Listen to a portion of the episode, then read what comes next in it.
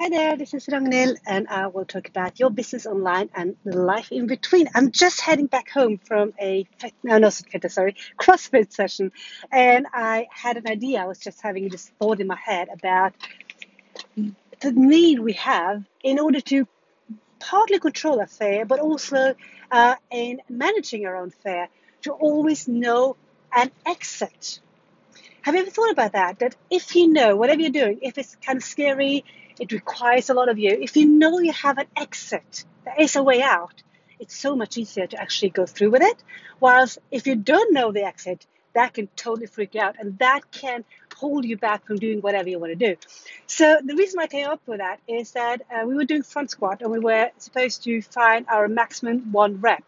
For those of you who haven't done CrossFit or weightlifting and all that, that means that you will put on weight on a bar as much as you possibly can in order to have one rep, one low down, one front squat. And how much weight can you put on if you're simply going to do one and you have a certain amount of time to put on weight more and more and more to see what that one rep is, your maximum. And the thing is that um, I noticed that what was holding me back to put on more weights and try to see how strong I really was in doing uh, this front squat was my mental ability. It was not about my physical strength at all. It was about what I was thinking. So as I was doing the first rounds to find that maximum weight, I found that I was holding back because I didn't know what to do in case I would lower down and I wouldn't be able to come up again. You know that I'm going to be stuck here with really heavy uh, weights on the bar on my neck. What to do? Sorry, on the front. What will I do? So I kind of sort of freaked out in my head, so I didn't dare to put on more. And then I thought it's, it's wrong. I, I was not able to push myself. And then I asked the trainer, and he said, "You could just drop the bar in front of you because the bar is in front of you, it's not in your back." And he's like, "Oh, I can do that. I haven't even thought about that. So I did put more on more and I couldn't get up. So I just dropped the bar. And it was so simple. And the, the funny thing about that was I did that. And just immediately what happened is that I kind of tricked my brain into understanding that I had an exit. So for the next few minutes where we're going to work on this, I was able to put on more because I knew I had an exit. If I did put on more than I could actually handle, I could always drop the bar, and that made a whole difference. So, and I thought about it now uh, as I'm driving back that the same applies to any kind of challenges we have in life. So it could be that, let's say, that um, you're gonna you're gonna launch something. You're gonna launch something, and it's sort of kind of like freaks you out because you wanna do a proper launch, you want to do a good launch, you want to have success, all that, and then uh, and then when you do that, you kind of think, oh, what if I fail? What if I do something wrong? What if, you know, I'm, I'm wasting my time, I'm wasting other people's time, I'm wasting money, whatever it is. But if you have an exit, let's say your exit is, I'm just trying this out.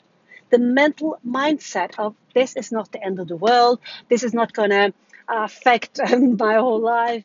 I'm not a failure. Even if I fail in this campaign, I will always learn something from it.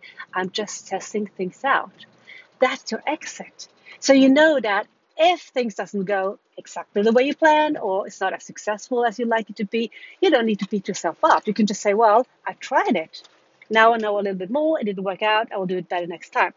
And it applies to anything you do in life. Even, you know, if you're going for a run and you haven't been going for a run for like, let's say months, maybe years, and you kind of just drain on the thought of doing it and you kind of always find excuses not going out because you think, oh, what if I won't be able to finish that run? What if I will get too exhausted? What if, what if, what if? Well, if you give yourself the, uh, the exit, that is, well, if I'm not able to run, I will walk. That's your exit. So that means you can you can start to run, and it's okay if you have to walk because you know that's a possibility. That's your exit. So as I'm heading back home, I'm just going to think more about this and try to see more places where I can actually apply this so that I, I don't stop myself in doing whatever I need to do because I'm too afraid that I don't have a way out in case it doesn't work out. So um, I guess the same thing applies if you think in more broader terms as well. So let's say you are uh, going to uh, do some kind of important deal with someone that's really important to you And then you might want to write an agreement about that so that you have an exit if that doesn't work out.